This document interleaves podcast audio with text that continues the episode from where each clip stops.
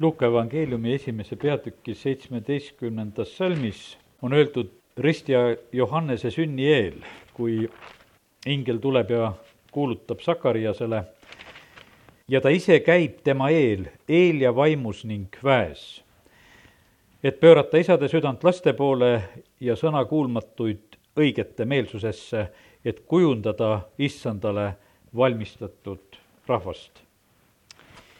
Täna õhtul ma tegelikult tahan rääkida Risto Johannesest ja Eeliast paralleelselt, sellepärast et see paralleel on otseselt toodud. ja siin selle ülistuse ajal veel tuli meelde see Jakobuse kirja lõpp, kus meid julgustatakse palvetama. ja, ja siis on öeldud seal see viies peatükk seitseteist salm, et Eelia oli meiesugune inimene, ent ta palvetas püsivalt, et ei sajaks vihma ning kolm aastat ja kuus kuud ei sadanud piiskagi vihma maa peale. siis ta palvetas taas ja taevas andis vihma ning maa laskis tärgata oma viljal. nii et kui me räägime Eeliast, kui me räägime Risti Johannesest, siis me võime siin tõmmata ka seda paralleeli, et meil on siit ka õppida, sest et ta oli meiesugune inimene ja meie sellepärast võime nendest mõlemist kahest mehest, kellest täna siis räägime, võime õppida.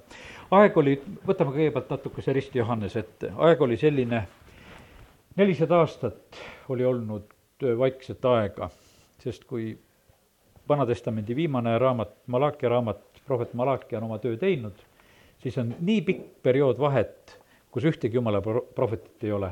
ja siis jumal tõstab Risti Johannese ja, ja see oli täiesti jumalast kutsutud, sündinud, ametisse pandud mees, Johannese evangeelium, kõik evangeeliumid tegelikult kirjutavad Risti Johannesest, igaüks ka pisut erinevalt, Luuka evangeelium, kõik nad sünnilugusid ja asju rohkem, aga Johannese evangeeliumis esimese peatüki kuues salm ütleb, oli Jumala läkitatud mees nimega Johannes. see pidi tunnistust andma tunnistama valgusest, et kõik hakkaksid tema kaudu uskuma.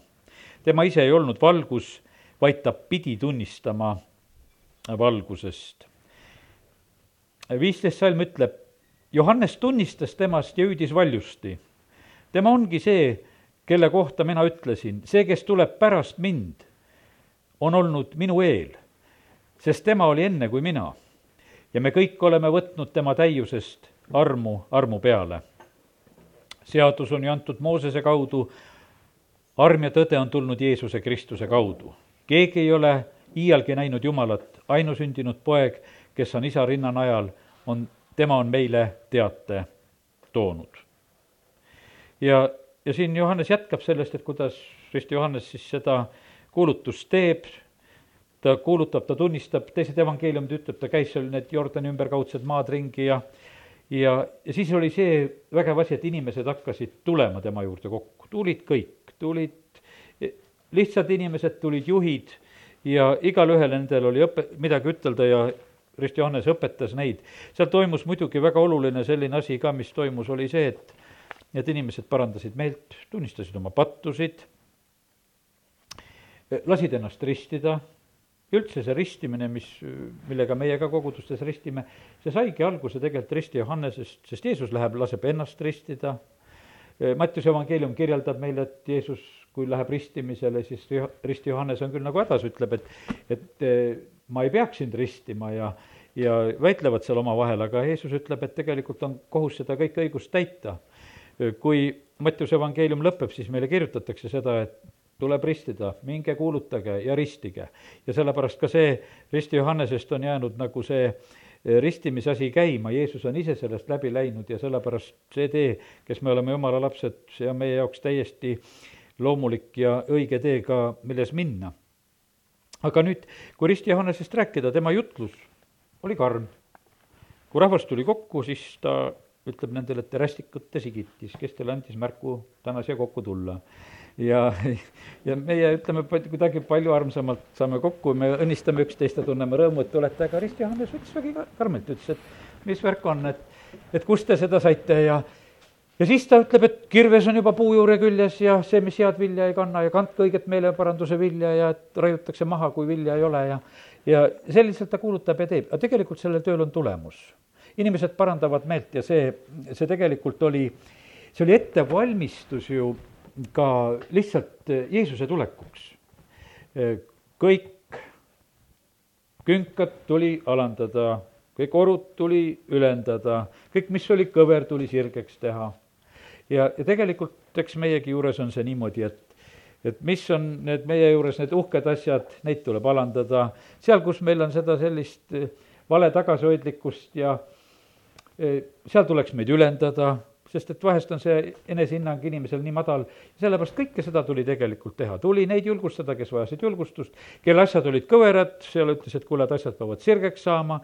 Ja, ja, ja tegelikult ta juhtis inimesi Jeesuse juurde, see oli väga isetu töö, mida tegelikult Rist Johannes tegi, ta kuulutas, ta rääkis, ta osutas Jeesuse peale, et pärast mind tuleb see, kes on suurem, ta oli kutsutud selleks ja ta tegelikult tegi seda tööd väga ustavalt ja ta valmistas, valmistas teed. Ja sellepärast täna ka, kui meie oleme siin koos, siis olgu see ka selliseks õhtuks, kui me eh, tahame õppida ka Rist Johannesest, siis on see, et valmistame teed, valmistame teed inimestele, me teeme eestpalveid, et inimesed saaksid tulla, sellepärast et ega see eh, inimeste Jumala juurde tulek tegelikult vajab ettevalmistust. ja et üldse, et inimene ja Jumal võiksid kokku saada, selleks on vaja äh, selles on vaja sellist nagu noh, ütleme ettevalmistust, et, et, et see kohtumine võiks toimuda ja et inimesed võiksid leida Jumala ja, ja sellepärast meie eesõigus on olla just ka selleks, et kes me oleme seda tegemas. valmistame teed, valmistame teed oma pereliikmete jaoks, valmistame teed naabrite jaoks, valmistame töökaaslaste jaoks, nende inimeste jaoks, keda me tunneme, teame ja sellepärast, et see on tegelikult väga, väga oluline osa, et meie ka seda peaksime tegema. ja sest, et ega kust mööda meie täna siia tulime, teed mööda tulime kõik, eks. Ei, me ei tulnud mööda kuskilt põldusid ja, ja asju, vaid me tulime teed mööda, no nii hea, et on teed valmis, eks. tuled ja sõidad mööda teid, vahest mõtled, et võiks parem olla ja vahest mõtled, et võiks sirgem olla, aga sa tuled ikkagi mööda seda ettevalmistatud teed ja sellepärast on, need teed on tegelikult nii olulised ja tähtsad, mida peab ette valmistama, sest et siis inimesed tegelikult saavad tulla ka eh, Jumala juurde. nii ta on. Rist eh, Johannes, ütlesin sedasi, et ta oli väga julge jutlusega, eh, siis on selline moment, et ta manitseb seal Herodest, ütleb, et sina ei tohi oma venna naist pidada, see abieluprobleem oli seal, mida ta otses ütles, see läks talle nii palju maksma, et ta pandi vangi, tegelikult ega Herodes teda kohe nagu tappa ei tahtnud, aga aga siis juhtub see, et see sünnipäev, kus ollakse ülemeelikus tujus ja juhtub see, kus sai välja lubatud, et küsi, mis tahad, kui see tütar seal tantsis ja, ja siis on niimoodi, et äh, tegelikult emahutusel tüdruk ütleb, et tooge mulle Risti Johannese pea Vaagnal ja, ja Risti Johannesel võetakse lihtsalt pea, sest et kuningas pidi oma ausõna pidama ja, ja selliselt Risti Johannesel läheb. ja ega tema selline tööperiood, kui nagu me näeme, et ega see ei olnud väga pikk see oli selline, ja need olid sellised teatud sellised eredad hetked, mis, mis nagu sündisid. ja siis ma mõtlesin täna, kui ma ütlesin, et me räägime nagu Rist Johannesest ja Eeliast nagu kõrvuti, siis ega Eeliast me ka väga palju tegelikult ei leia. me leiame sealt esimese kuningate raamatu seitseteist, hakkab sealt Eelia lood hakkavad pihta, teise kuningate raamatu alguses eh, on juba varsti on Eelia taevaminek ja, ja tegelikult ei ole seal mitte väga palju sündmusi, mis on ka Eelia elus ja, ja sellepärast täna nüüd äh, lähen siin nii läbisegi nende kahe mehega. Ja lähmegi korraks siis selle Eelia lugude juurde ka juba, sest et nii nagu ingel ette kuulutas, et Rist Johannes tuleb Eelia vaimus ja väes ja siis sain nagu südamesse, et tahaks nagu vaadata, et millega siis see Eelia tegeles ja kuidas temal asjad läksid.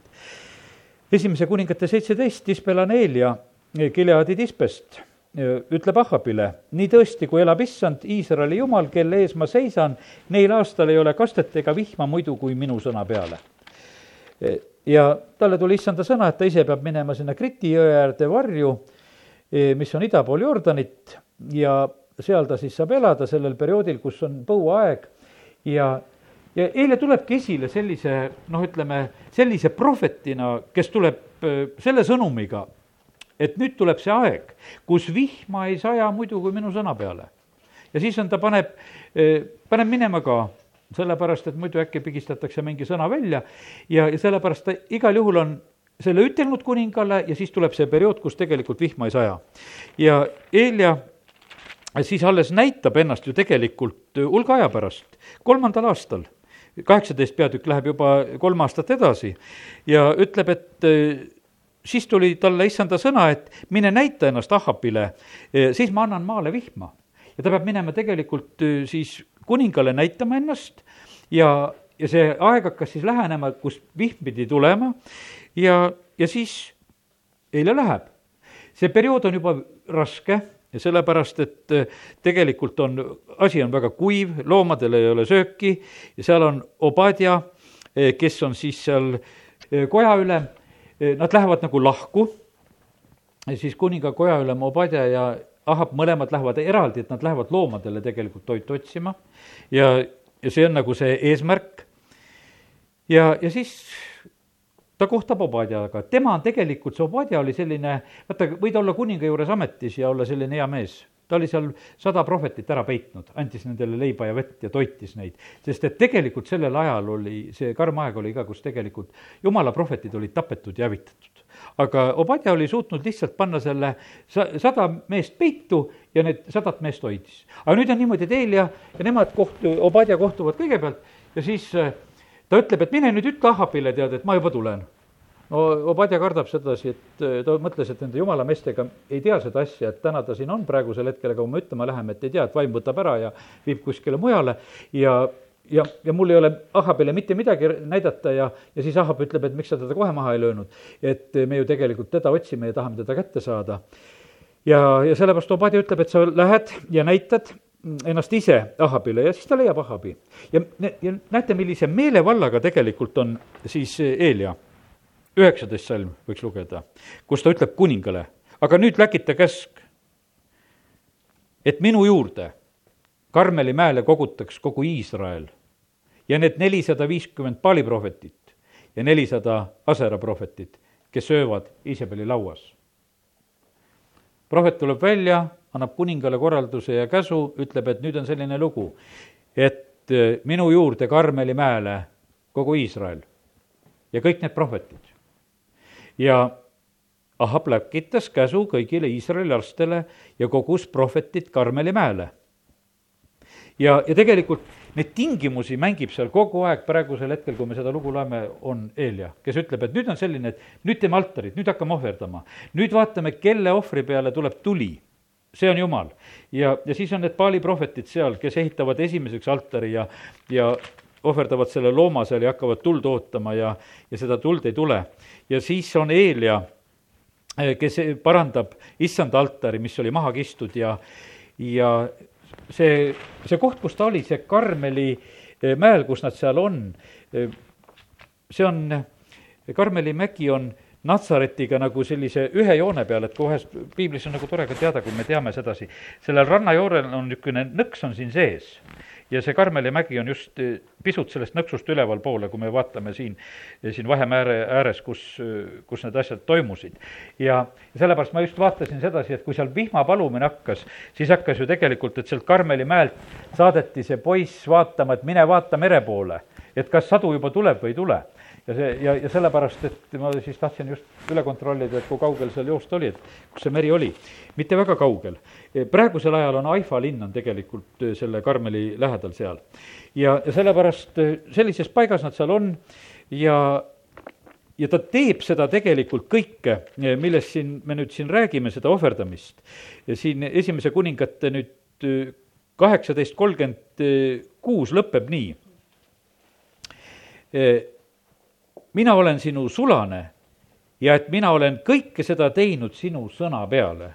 Kui ta tegelikult on selle ohverdamise sealt teinud, siis ta ütleb, et jumal, ma olen teinud seda kõike sinu sõna peale. ja vasta mulle, issand, vasta mulle, et see rahvas saaks teada, et sina, issand, oled jumal ja et sina pöörad tagasi nende südamed. ja siis tuleb tuli taevast alla, see langeb, sööb ära põletusohvri puud, kivid, põrmu ning lakkus ära vee, mis oli kraavis ja siis kogu rahvas, kui seda näeb, heidab silmili maha ja ütlevad, et issand on jumal, issand on jumal.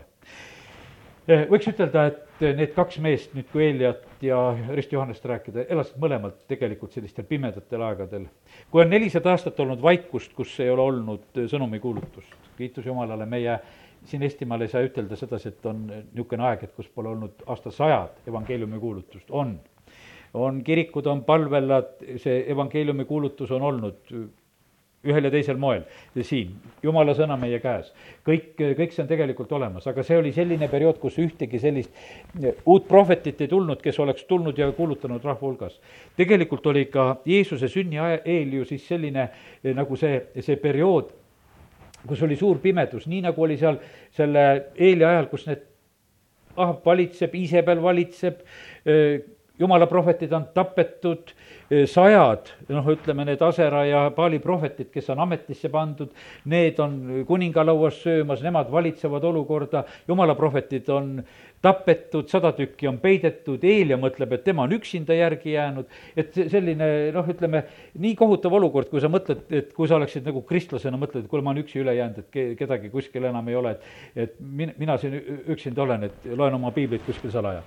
ja väga raske aeg on sellised, aga tegelikult on Eelia see, kes peab tulema sellisel hetkel, ta peab tulema sellise julgusega välja, ta peab tulema selle tohutu sellise pakkumisega välja, et nüüd just praegu ma teen selle asja ja, ja ta teeb selle. tegelikult sünnib veel üks väga raske asi, mis ta teeb. ta tegelikult hävitab kõik need Paali ja Asera prohvetid.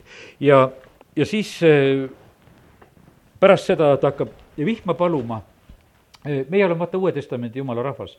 hiljuti siin just ühes jutluses kuulsin, kuidas üks pastor ütles, et vaata, see keeltes palvetamine ongi niimoodi, et meie Uue Testamendi ajal ei julge sageli paluda paljusid asju võib-olla, mis on meie üle huulte raske välja ütelda. Efesuse kirjas Paulus õpetab, et me palvetaksime igal ajal vaimus Rooma kirjas õpetatakse meile, et vaim tuleb appi meie nõtrustele. me, mina usun seda, et ju vaata, kui me palvetame, meie mõistus, mis ei ole mitte ka paha asi, las ta kontrollib meid. Paulus ütleb, et ma tahan palvetada mõistusega, tahan laulda mõistusega, tahan laulda vaimus ja tahan palvetada vaimus. aga vaata, vaimus on meie piirid on hoopis teistsugused, seal on, seal, mida vaim annab välja rääkida, seal on juba jumala mõõdud, tema mõtted on kõrgemad, suuremad mõtted. seal on niimoodi, et jumal, jumal saab olla see, kes saab kohtuotsuseid langetada ühe või teise paikkonna peale. meie ei saa sedasi, et noh, ütleme, et meie ei palu selliseid asju, et kuule, et maa väriseks ühes või teises kohas. aga näed, kui me näeme, et Nepaalis maa väriseb ja kus need jumala kujud kukuvad maha, siis tegelikult on see kohus nende jumalate üle, mis sellel hetkel lihtsalt sünnib, et jumal lubab nagu sellel tulla. jah, see võis tulla, nii nagu laulude kogu lõppeb, lõpeb sedasi, et vagad oma voodite sõiskavad ja, ja siis pannakse vägevad raudu. ja sellepärast on see niimoodi, et ega meie ei tea, mida meie siin oma ülistusega ja asjadega teeme, et, et kus koha peal juba tegelikult jumala otsus võib langeda, et kuule, et nüüd on kõik, nüüd on see armuaeg lõppenud. seal mingit pöördumist enam ei tule ja, ja sellepärast, aga Vana-testamendi ajal oli niimoodi, et see jumala vaim oli ainult ju tegelikult oli kuningate peal preestrite peal, prohvetite peal, see oli väga kitsalt tegelikult oli nagu olemas ja sellepärast oli Eelial nagu see kohustus, et kui sina oled nüüd jumala vaimust juhitud, kui sina oled praegusel hetkel see, kes sa tead, mis on jumala tahe, mina annan sulle selle teada ja sina pead selle ka läbi viima. ja sellepärast Eeliat me näeme seal Karmeli mäel lähed, kes Iisraelis käib, sa näed selle väikese kõvera mõõgaga ta seal on. Ja sellepärast, et ta seal Karmeli mäel hukkab kõik need prohvetid, kes olid sinna kogutud ka sellel hetkel ja sellepärast Jumal tahab tegelikult korda saata, tema, tal on see õigus. ja sellepärast kiitus Jumalale, et, et meie, meie võime olla nagu sellises, hoopis sellises armuaja rollis ja, ja kus meil ei ole kõiki kurjaseid kohustusi, vaid Jumal ise teeb õiglaselt ja pühalt, nii nagu on vaja omal ajal asju. aga nüüd Helja palve peale tuleb vihm. Helja palve peale tuleb vihm võime küsida, et miks, miks see nii peab olema, lugesime sealt juba Jakobuse kirjast, et ta palus kangesti, ta pidi seal kolm aastat palvetama, et vihma ei sajaks. ja siis tema palve peale tuleb vihm. ta teeb seda seitse korda saadab välja selle oma poisi, ütleb, et mine vaata. see käib mere pool vaatamas, siis lõpuks tuleb tagasi, ütles, et no üks pisike pilv nagu mehe kämmal, no juba on, et midagi on. siis ta ütleb, et kuule, juba vihmakohin kostab ja ütleb, et minge ütelge selle Ahapile, et, et ta paneks hobused ette ja las läheb juba. et sadu teda kinni ei peaks. ja vahepeal siis tumeneb taevas pilvedest ja tuulest ja tuleb suur sadu. ja Eelia jookseb talle seal järgi Iisraeli teelahkmeni, nii et, et nii need asjad lähevad. ja sellepärast, eks meie ka, näed, kui täna oleme rääkinud, et me oleme siin selleks, et valmistada asju. jumala asjad ei tule, ei tule ärkamised, ei tulnud püha vaimu väljavalamist, seda suurt kohinat ei tulnud ka teisiti, kui need olid, need sada kakskümmend olid seal palves. Eelia, tema palvetamine, nii nagu siin on see lugu, ta on seal käpuli maas, pea on põlvede vahel nii nagu seda seletatakse, öeldakse, et see oli sünnitusasend nii nagu naised sünnitavad selliselt, ütleme, mina ei tea, kuidas nad sünnitavad, kõik, aga, aga et ütleme, et seda on võrreldud nagu sellises asendis, sest eks mitmes asendis ju sünnitatakse ka.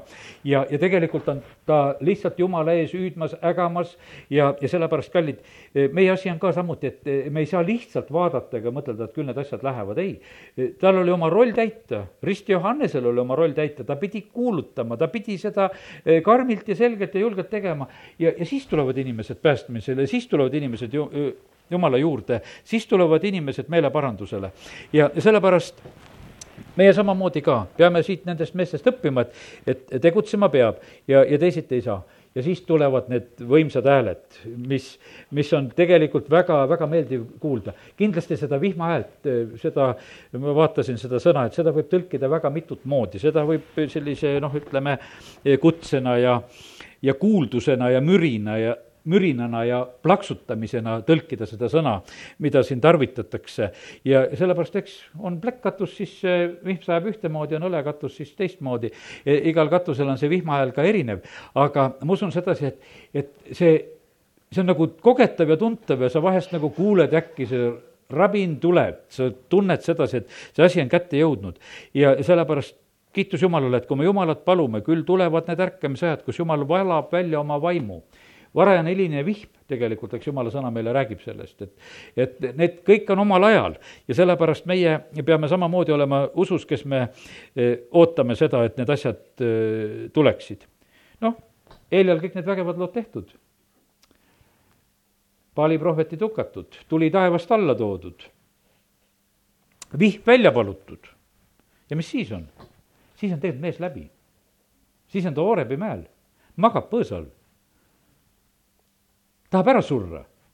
sellepärast Iisabel ütles, et kui talle, kui ma, homme ta veel elab, tead, ma ta ära tapan. ma teen sedasama, mida ta tegi Paali prohvetitega. ja tegelikult Eelia on väga löödud ja sellepärast meil on täna õppida. meil võib olla neid, kus me oleme väga võidukad, meil on niisugused võidud, tuli taevast ja, ja tunneme, et kõik on nii rõõmus, kõik on nii tore, nii vägev ja teine päev võid tunda sedasi, et kuule, et oled nii nagu lüüa saanud. Karist Johannesel oli need hetked käes Luuke evangeeliumist, kui lugeda seda, seal on, eh, mis seal on, Naini linnas see surnu äratatakse üles ja Luuka, ma teen korraks Luuka seitsmenda peatüki lahti, et ma ei ütleks valesti, mis lugu seal veel ees on. ja Jeesus parandab väeülema teenri, eh, seitsmes peatükk Luuka evangeeliumist. ja kaheksateist salm sealt seitsmendast peatükist Luuka evangeeliumis ütleb, ja seda kõike kuulutasid Johannesele tema jüngrid ja Johannes kutsus enda juurde kaks oma jüngrit ja saatis nad issanda juurde küsima. kas oled sina see, kes pidi tulema või jääme ootama teist? Johannes oli Jordani ääres nii kindel, vaadake, see on jumala tal, kes võtab maailma patu ära. ja nüüd ta istub seal vanglas ja siis saadab küsima, et kuule, ega siin eksitust ei olnud, kas oled sina see või peame ootama kedagi teist? ja, ja sellepärast oli, Rist Johannes oli samamoodi oli see selline, ütleme, sa oled vangistatud sa oled kinni ja sul tulevad hoopis teised mõtted pähe. ja sellepärast on see niimoodi, et, et meie kõikide eludest võivad käia need asjad üle, kus me oleme, vahepeal oleme võidukad ja vahepeal mõtleme, et kuule, kas see värk üldse kõik õige on. et mis asi see praegu on ja, ja sellepärast ei ole nende meeste jaoks samamoodi need tunded kuidagi võõrad.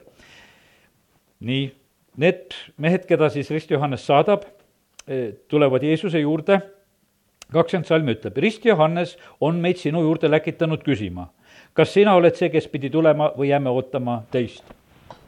ja sellepärast on see niimoodi, et ära, kui sul on ka sellised hetked elus, kus sa vaimulikus elus tunned, et kuule, asi hakkab nagu käest ära kaduma, pole julgust, ära siis nurka jäta, siis mine uurima, me küsi vähemalt Jumala käest, mõni ütleb sedasi, et kui tuleb tahtmine Jumala juurest ära minna, et ära siis unusta talle head aega üteldagi vähemalt. et ära siis nii ära põgene, et üldse midagi ei ütelnud, aga et noh, et kui lähed head aegagi ütlema, et saad jälle uuesti jutule. ja, ja, ja selle, ja sellepärast on see niimoodi ka, et Rist Johannes eh, teeb selle asja ära, ta saadab oma ja Jeesus tol samal tunnil, kakskümmend üks salm, teeb paljusid inimesi haigustest terveks ja hädadest, kurjadest vaimudest ja paljudele pimedatele kingib nägemise. ja Jeesus vastas neile, minge teatage Johannesele, mida te olete näinud ja kuulnud. pimedad näevad jälle, jalutud kõnnivad, pidalid hõbised saavad puhtaks, kurdid kuulevad, surnud ärkavad üles, vaestlatele kuulutatakse rõõmusõnumit ja õnnis on see, kes minust iial ei pahandu kallid, ma julgustan kõiki meid. Käime alati jumala teenistustel ja kohtadel, kurdid kuulevad. vaata, kuulsin ühte jutlust just, eh, kus eh, üks kurtide tõlk ja tema abikaasa just nagu rääkis neid juttusid, ütles, et ta, ühesõnaga tema eh, naise siis vanemad olid mõlemad kurdid ja tütar saab päästetud, noh ja siis vanemad hakkasid ka koguduses käima no vanemad muidugi ei kuule, tütar õnneks oskas seal kätega näidata, et mingisugune suhtlemine oli. Ja, aga ma nägin sedasi, et tegelikult tead, missugune suhtumine oli nagu selles, et kurdid kuulevad. vaata, need on vaimulikud asjad, mida tegelikult meie võime kuulda. meie saame ka oma peas mõtteid mõelda ja kuulda. jumal saab meile ilmutada ja rääkida ja sellepärast ei ole ainult see asi, mida teie minu suust praegu füüsilist häält kuulete. Te võite praegusel hetkel kuulda hoopis teist juttu veel, mis jumal oma vaimu läbi ütleb. Ja sellepärast on see niimoodi, et, et eh, vahest osad inimesed petavad, et mul on kuulmine kehv ja ma sellepärast ei käi koguduses ja sellepärast, et ma ei kuule mine jumala vaimu keskkonda, sa ikkagi kuuled seda, mida jumal sulle räägib. kui sa füüsilist juttu ei kuule, sa kuuled seda, mida jumal sulle vaimus tahab ütelda. sest sa oled selles keskkonnas, sa oled selle igatsusega, sa oled selle küsimisega. ja sellepärast see, see vend nagu rääkis sedasi, et tegelikult kurdid kuulevad ma usun seda, et paljude kurtide kõrvad lähevad lahti ja hakkavad füüsilist häält ka kuulma. aga põhe, põhimõtte me võime võtta siit ka selle kui ilmutuse, et pimedad näevad ja kurdid kuulevad. Ja nad ei pea veel sellepärast füüsiliselt kohe nägema, nad võivad ennem juba näha asju, nad võivad olla need, kelle kõrvad kuulevad. Ja sellepärast vaata, need on juba ilmutused tegelikult jumala sõnast, mida ma praegusel hetkel jagan. sellepärast, et me, me võime ütelda niimoodi, et aga noh, umbes, et noh, kui ma ei näe, ei kuule, tead, ma ei, edasi tegelikult ma usun seda, et me kõik mõistame seda, et eh, kuidas asjad sünnivad. üks vend mulle just hiljuti ütles sedasi, et inimestel on vahest nagu küsimused, et kuidas need asjad käivad, et, et kuidas on pühade ülesvõtmine et sa pead nagu ilmutusi saama, ta ütles, et keegi tegi kohe sellise asja, et võttis rauapuru, segas liivi siis, liiva sisse ja siis võttis peotäie seda liiva ja rauapuru, pani sinna laua peale ja siis võtab magneti ja ütles, et niimoodi käib. Liivaterad jäid sinna, aga rauaterad tulid kõik välja, tead, eks. et niimoodi käib pühade ülesvõtmine.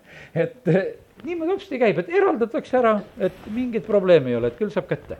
ja, ja sellepärast me tegelikult, me vajame ilmutusi nendest asjadest, et jumala jaoks ei ole need asjad mitte sugugi keerulised.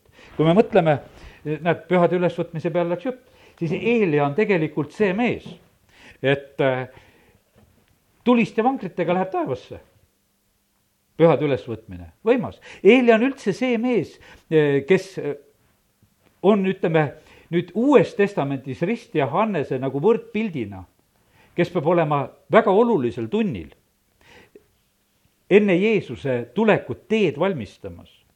muutmise mäel on kes kaks, on Eelia ja Mooses. enne Jeesuse kannatustesse minekut tegelikult Jeesust kinnitatakse Eelia ja Moosese poolt. kaks väga tähtsat meest, Eelia ja Mooses Mooses oli see, kes tõi rahva Egiptusest välja, tuleb kohale, räägib Jeesuse elu otsast, arutavad neid asju. E-, Eeli oli see, kes oli pööranud tegelikult sellel hetkel Iisraeli kõik Jumala poole väga otsustava tunni läbi viinud. ja sellepärast on nüüd niimoodi, et kui Jeesus on väga otsustaval tunnil, et minna oma kannatustele vastu, siis Jumal tegelikult läkitab need kaks meest. E, need Vana-testamendi kaks suurt kuju, e, kõrgetasemeline värk, ma ütlen, et meil on asi niimoodi, et kui asi on tähtsam, siis seda suurem ülemus tuleb välja kui on kuskil vahest väga suur õnnetus või asi, siis president sõidab ise kohale, läheb vaatama, et kus see maa värises, ma tulen nüüd ise vaatan selle asja üle. nüüd lähen helikopteriga sinna, nüüd on asi no nii tõsine, et kõige kõrgem tase peab minema kohale. ei saadeta enam asemikke. ja sellepärast, kallid, me täna räägime nendest asjadest, kuidas jumal nagu käitub ja teeb ja, ja sellepärast me näeme sedasi, et, et see, kui ingel tuleb ja ütleb, et nüüd tuleb see prohvet, risti Johannes, kes tuleb Eelia vaimus ja väes, ta tuleb seda tegema ja sellepärast ma leidsin sedasi, et meil tasub otsida nagu neid eh, piltisid ja asju, mida, mida me võime siis nagu leida, eh, mis on Eelia teinud ja kuidas need asjad lähevad Eelia, kui nüüd mõtleme Eelia elu peale veel, mis tal oli, selle Orepi mäel ta sellest üksindusest saab ka üle, ingel tuleb seal ja toidab teda ja kinnitab teda ja ja, ja siis antakse ülesanded, ma vaatasin, millised on ülesanded. ülesanded ei olnud ainult seotud jumala rahvaga. siin oli öeldud sedasi, et, et samamoodi, et ta peab minema ja ta peab veel panema eh, Aseli Süüria kuningaks või Ahasel Süüria kuningaks. see on esimese kuningate üheksateist viisteist. ta peab minema eh, seda ülesannet täitma, ta tegelikult pidi Elisa endale järglaseks võtma, seal on see mantli peale viskamine ja vahest mõni teeb seda järgi, et, et viskan mantli ka kellelegi peale, et oma järeltulijale nagu seda teha. aga eh, jumal annab talle need ülesanded ja sellepärast, kui pane tähele seda, et, et kuidas jumal tegelikult käitub, ta ei, ei tegelenud ainult Juuda ja Iisraeliga vaid ta ütles, et sa lähed ja sa võiad aseli eh, selleks eh, Süüria kuningaks. Ma otsisin seda aselit ka, see asel tuleb hoopis palju hiljem nagu eh, areenile oma asjas, sellest, et seal on see Ben-Hadad, kes on ennem seal Süüria kuningana. Ja juba Elisa ajal on need lood nähtavasti. aga me näeme sedasi, et kuidas Jumal tegelikult neid ülesandeid annab. Ja sellepärast Jumal tegeleb ka nende kuningate ja asjadega, kes on ka siin selles maailmas, sest need kuningad lähevad Jumalale korda, ta pöörab nende südameid ja ta tegeleb nendega, annab nendele ka väga erinevaid ülesandeid. ja mis veel, siis vahepeal, kui nagu midagi erilist ei ole, isegi on niimoodi, et me näeme, et, et Jumal ei tarvita kogu aeg siin Eeliat, vaid on ka teised prohvetid, kes tulevad, kes käivad siin Ben-Hadadi juures ja annavad sõnumeid ja asju aga on teatud hetked, kus asi läheb tõsiseks ja siis öeldakse, Eelia, sinu kord, lähed. ja millal tuli järgmine selline tõsine hetk, kus Eelia peab välja tulema ja ütlema, on siis, kui on see Naaboti viinamäe lugu. ja see on peale neid sündmusi kahekümne esimene peatükk, kui seal on need Süüriaga sõdimised juba ära olnud. ja siis on lihtsalt üks selline lugu, et, et kuningas Ahab vaatab, et kuule, mu naabrimehel on väga ilus viinamägi. tahaks seda endale saada ja ütleb talle, kuule, Naabot, anna mulle see oma viinamägi, mulle see nii väga meeldib. ma võin sulle anda parema vastu kuskil mujal, aga et see on mulle lähedal, ma tahaksin seda kohta saada, kuningas oma sooviga. või maksan sulle rahas, kuidas tahad. no ütleme, väga selline, ütleme, normaalne nagu lähenemine, aga Naabotil on oma õigus, ütleb, et ei anna. ma ei anna seda, ma ei taha anda. Iisabel, selle Ahabi naine see kuuleb selle loo ära, tead, et kuule, mees ei saanud hakkama, ütleb, kuule, kas sa oled kuningas või ei ole kuningas, nüüd ei saa naabri käest seda asja üle löödud. mis värk see on? ma korraldan selle asja ära. muidugi väga alatult korraldab selle asja ära. E, kõlvatud lood lähevad lahti, kogutakse valetunnistajad ja tegelikult on niimoodi, et naabut visatakse kividega surnuks, korraldatakse lihtsalt üks jant, mis on vale ja tapetakse see mees ja Isabel ütleb, noh, kuule, et näed, naabut on surnud mine võta see viinamägi endale, nüüd see on sinu oma. ja Ahab lähebki tegelikult, ta läheb sellele ülekohtuga võetud viinamäele. ja nüüd on niimoodi, et jumal ütleb, et stopp sellele mehele Eelia kaudu. E, kakskümmend üks, seitseteist.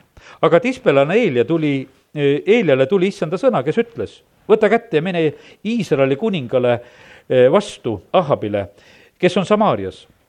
vaata, ta on Naaboti viinamäel, kuhu ta läks, et võtta seda enesele räägi temaga ja ütle, nõnda ütleb issand, kes oled tapnud ja omastanud. siis räägi temaga ja ütle, nõnda ütleb issand, samas paigas, kus koerad lakkusid Naabuti verd, lakuvad koerad ka sinu enese verd me vahest vaatame sedasi, et aeg-ajalt tuleb välja, et näed, et kuskil Ukrainas võetakse president maha ja siis minnakse, vaadatakse, mis ta on siis kokku kõik tassinud. ja, ja jumal teab täpsemini, mis nendel kuningatel on kokku tassitud meie, meie ei suudagi neid kokku lugeda, sest nad varjavad need asjad ära, mis nendel on kokku tassitud. aga jumal näeb neid asju ja sellepärast jumal ütleb prohvetile, et kuule, Ahab on läinud sinna Naaboti viinamäele ja mine nüüd sinna. ja, ja sa pead talle rääkima ja tegelikult see sõnum on tegelikult väga karm, jumala kohtuotsus. ei olnud prohvetitel nii, nagu ei olnud Risti Johannesel kerge jutt, nii ei olnud Eelial samamoodi mitte mingisugune kerge jutt, kui tema pidi välja minema, siis väga tõsise jutuga. ja Ahapile tegelikult väga tõsine surmaotsus. Ahab küsib Eelialt, kas nüüd leidsid mind, mu vaenlane? ja ta vastas, leidsin, sellepärast et sa oled ennast müünud tegema, mis on ilma, issanda silmas kuri. vaata, ma lasen sulle tulla õnnetuse ja pühin sind ära ja ma hävitan Ahapilt meesolendit, nii hästi orjad kui vabad Iisraelis. ja ma talitan sinu sooga nagu Nebati poja Jerobeami sooga, nagu Ahia poja Paesa sooga meelepaha pärast, mis sa oled mulle valmistanud ja et sa oled saatnud Iisraeli pattu tegema. ja sealsamas tuleb veel ka Iisabelile, ta naise kohta otsus. ja issand rääkis ka Iisabeli kohta, öeldes, koerad söövad Iisabeli Iisraeli põllul. kes Ahabi omadest sureb linnas, selle söövad koerad, kes sureb väljal, selle söövad taevalinnud tõesti ei ole olnud Ahabi sarnast, kes enese müüs tegema, mis issanda silmis on kuri, sellepärast et ta naine Iisabel teda kihutas ta talitas väga põletusväärselt, käies ebajumalate järel, nagu olid teinud emurlased, keda issand oli ära ajanud Iisraeli laste eest. ja vaata, see oli väga karm jutlus, mida noh, ütleme, Ahab sai kuulda. oled seal kuskil Viinamäel ja jumalamees tuleb sulle, loeb sulle peale sinu surma, naise surma, kõik su järglased, meesolendid on, kõik on kadunud, noh, täielik krahh tegelikult, mis välja loetakse aga teate, mis juhtub järgmises salmis? järgmises salmis juhtub see, kui Ahab kuuleb neid sõnu, siis ta käristas oma riided lõhki. pani kotiriided ümber ihu, paastus ja magas kotiriides ja käis tasahilju. Ja tispelane Eelia jälle on mängus, talle tuleb issanda sõna, kes ütleb ja kakskümmend üheksa salm ütleb seda. kas sa oled näinud, kuidas Ahab on ennast alandanud minu ees? sellepärast, et ta on ennast alandanud minu ees ei saada ma temal õnnetust tema päevil. ma saadan tema soole õnnetuse ta pojapäevil. õnnetus lükkub edasi. jumalal ei ole hea meel mitte ühegi õela surmast. Igaüks, kes meelt parandab ja pöördub, sest et see lugu võib tunduda sedasi, et kuule, et siin on juba lõpuni mindud, et siin ei ole mitte mingisugust armu, aga me näeme sedasi, et nii kui kuskil keegi meelt parandab, jumal ütleb, et okei okay,, ma sain sellest aru. Ja sellepärast meie praegusel ajal, me ei tiri oma riideid puruks, me ei tegele selle asjaga, me käristame oma südamed puruks. ja, ja siis tegelikult Jumal näeb seda, e, meie, meie alandumist tema ette ja, ja tegelikult on kohe tegelikult see muutus olemas Jumala poolt tema arm hakkab tööle. ja sellepärast need on tegelikult väga, väga võimsad lood, mida me näeme nagu, mis olid nagu siin ka just prohvet Eeli ajal ja tema elus, millega tema pidi kokku puutuma ja need ülesanded. ja, ja sellepärast meil on õppida ka selles on tegelikult tohutut jumala armu juba, eh, mida meie võime siis märgata ja näha. üks lugu, mida ma tahaksin veel eh, Eeliaga seostada, on teise ajaraamatu kakskümmend üks. Ja seal on niimoodi, et Eelia pidi kirjutama ühe kirja. vahest me ka kirjutame mõne kirja, täna loeme seda kirja, mida Eelia pidi kirjutama. ja see on juuda kuningas Jooram ja ja eile peab kirjutama kirja. meie Eestimaa prohvetid, oli see Reits või Kaarep või Kaarep oli kirjaprohvet, tema pidi kirjutama, Reits pidi käima ja kuulutama ja rääkima ja nüüd on siin Eelia, kes oli samamoodi, pidi kirjutama ja kiri Eelialt kaksteist salm siis. aga temale tuli prohvet Eelialt kiri, milles öeldi, nõnda ütleb issand, su isa Taaveti jumal. sellepärast, et sa ei ole käinud oma isa Joosafati teedel ega Juuda kuninga Aasa teedel, vaata, kui tähtsad on need teed. me valmistame neid teid. Kui meie käime jumala rahva juurde kokku, siis on seal lastele nagu mingisugune tee, et näed, et nad käivad neljapäeval seal, nad käivad seal Jumalat palumas, nad kiidavad Jumalat. see on nagu üks niisugune tee. Võrus seal meie üks kogudusõde vaatas ühte suurt saksa perekonda, kus olid mitmed lapsed, iga pühapäeva hommikul tead, löödi nad kõik ilusti riidesse ja siis nad läksid kõik jalgsi, hakkasid minema sealt kus nad elasid, sellest kortermajast palvelasse, iga pühapäeva hommikul teada, kuhu lähevad. Ja tema vaatas üle aknast, nüüd käib ise meile palvelasse. ja, ja tegelikult oli see talle igal pühapäeva hommikul jutlus, et kuhu tuleks nagu minna. ja sellepärast, et, et see oli see tee, mida, mida see perekond, kus oli jumala kartus, mida nad võtsid oma jalgade alla, et nüüd me läheme sinna, sest et nüüd on aeg jumala ette minna. ja sellepärast Eelialt tuleb kiri, ütleb, su isad, vanaisad on käinud ühte teed. ja sina, poiss, miks sa seda teed ei käi? Ja vaid oled käinud Iisraeli kuningate teed. Ja oled saatnud Juuda ja Jeruusalemma elanikud kõlvatust tegema. Ja sellepärast, et ikkagi jube aeg on, mis on praegusel hetkel ka siin meie maa peal, me ütleme, mis me elame siin.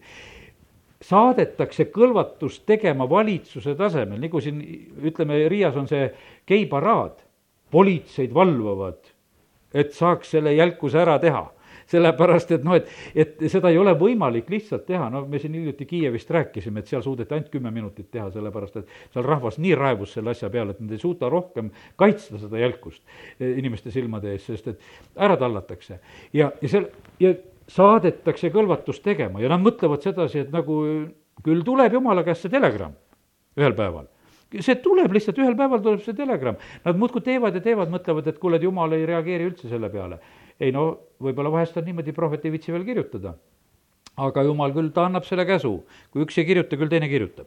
ja, ja siis on niimoodi, et nüüd on Ahapil see, ühesõnaga mitte Ahapil, vaid Jooramil on see asi käes aga siin oli võrreldud, et eh, nagu see Ahapi sugu saatis siis kõlvatust tegema.